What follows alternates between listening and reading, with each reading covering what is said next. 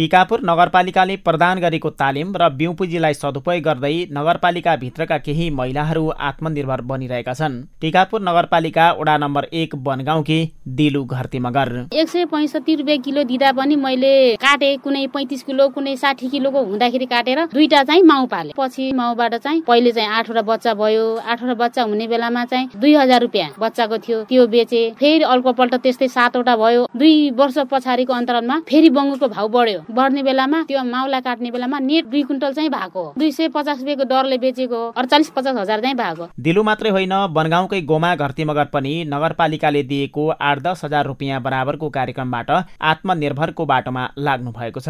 लोकले परदेश जाने गएर कहिले खर्च पठाउला र हामीले परिवारको यो खर्चहरू तार्ने नुन तेल हुन्छ बच्चाको खर्च हुन्छ कसरी तार्ने भन्ने थियो। र अहिले यो कार्यक्रम पाएर चाहिँ हामी सानोतिनो खर्चहरू यो घरमा आउने घरे खर्चहरू आफै पनि लोग्नेको भर नपरि आफै पनि जुटाउन सक्छौँ। अनि एउटा समाजले हेर्ने दृष्टिकोण पनि ऐचो पैचो गर्दा पनि अनि उसको केही छैन अब लोग्नेले पठाए मात्रै हुने उसँग केही छैन भनेर नदिने ऐचो पैचोहरू पनि अब सरसापत भन्ने हुन्छ पैसाको। तर हिजो आज त ऊ गर्छ ऊ गरेको छ उसले दिन्छ भन्ने विश्वासको वातावरण पनि भयो। तीन वर्ष अगाडि टिकापुर नगरपालिकाबाट एउटा बाख्रा खोर व्यवस्थापन र बाख्राको औषधि उपचारका लागि गोमाले सहयोग पाउनु भएको थियो। अहिले उहाँका पन्ध्रवटा बाख्रा छन्। यो नगरपालिकाले जो मेटपा कार्यक्रमदेखि यो उद्यमशीलता तालिम गरेदेखि मैले चाहिँ अहिले बाख्रा एउटा दुईटा नभएर एउटा दस पन्ध्रवटासम्म बनाए बिस्तारै बढाउँदै लग्यो। टिकापुर नगरपालिका वडा नम्बर आठ सूर्यपुरकी कृष्णादेवी चौधरीले पनि नगरपालिकाले दिएको सहयोग पाउनु भएको छ।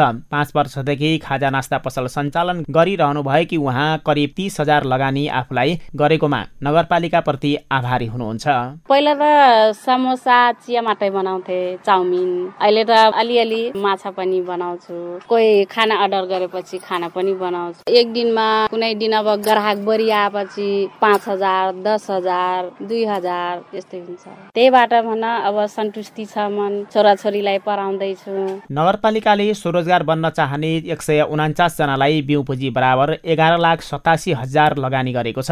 यसका लागि स्रोतको व्यवस्थापन कहाँबाट कसरी भएको छ त? टिकापुर नगरपालिका आर्थिक विकास शाखा प्रमुख नन्द बहादुर केसी। नेपाल सरकारको सशर्त अनुदान अन्तर्गत गरिबी निवारणका लागि लघु उद्यम विकास कार्यक्रम मार्फत दुईटा आर्थिक वर्षहरूमा एक सय उनपचास जनालाई एघार लाख सत्ताइस हजार नौ सय एक रुपियाँ बराबरको विभिन्न उद्यम व्यवसायसँग सम्बन्धित बाख्रा पालन व्यवसाय गर्नेहरूका लागि बाख्राका पाठापाठी त्यस्तै बङ्गुर पालन व्यवसाय गर्नेहरूका लागि बङ्गुरको पाठापाठीहरू ब्युटी पार्लर व्यवसाय गर्नेहरूको लागि ब्युटी पार्लरसँग सम्बन्धित सामग्रीहरू हेयर कटिङ व्यवसाय गर्नेहरू भए सिलाइ कटाई व्यवसाय गर्नेहरूलाई सिलाइ कटाईको लागि आवश्यक मेसिनहरू काउन्टर टेबलहरू यस्ता विभिन्न खालका सामग्रीहरू सहयोग गरिसकेका छौँ। र हामीले कुनै कारणले व्यवसाय सञ्चालनमा अप्ठ्यारो भएकाहरूलाई समेत थप सहयोग प्रदान गर्ने गरेर पनि उद्यममा जोड्नेको संख्या सन्तोषजनक रहेको छ। विपन्न समुदायका महिलालाई मात्र होइन सिप सिक्न चाहने र वैदेशिक रोजगारीबाट फर्केकाहरूका लागि पनि नगरपालिकाले सहयोग गर्दै आइरहेको छ। बिउ पुँजी वितरणका लागि बनाएको मापदण्डमा विपन्न अठारदेखि चालिस वर्ष उमेर समूहका नागरिक एकल महिला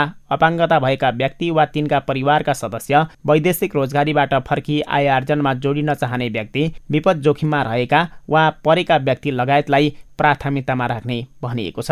तर यस्तो सेवा लिन चाहनेहरूको संख्या धेरै भए पनि स्रोतको अभाव भएपछि कसरी व्यवस्थापन गर्ने भन्ने बारेमा विकल्पको खोजी भइरहेको नगरपालिकाको भनाइ छ।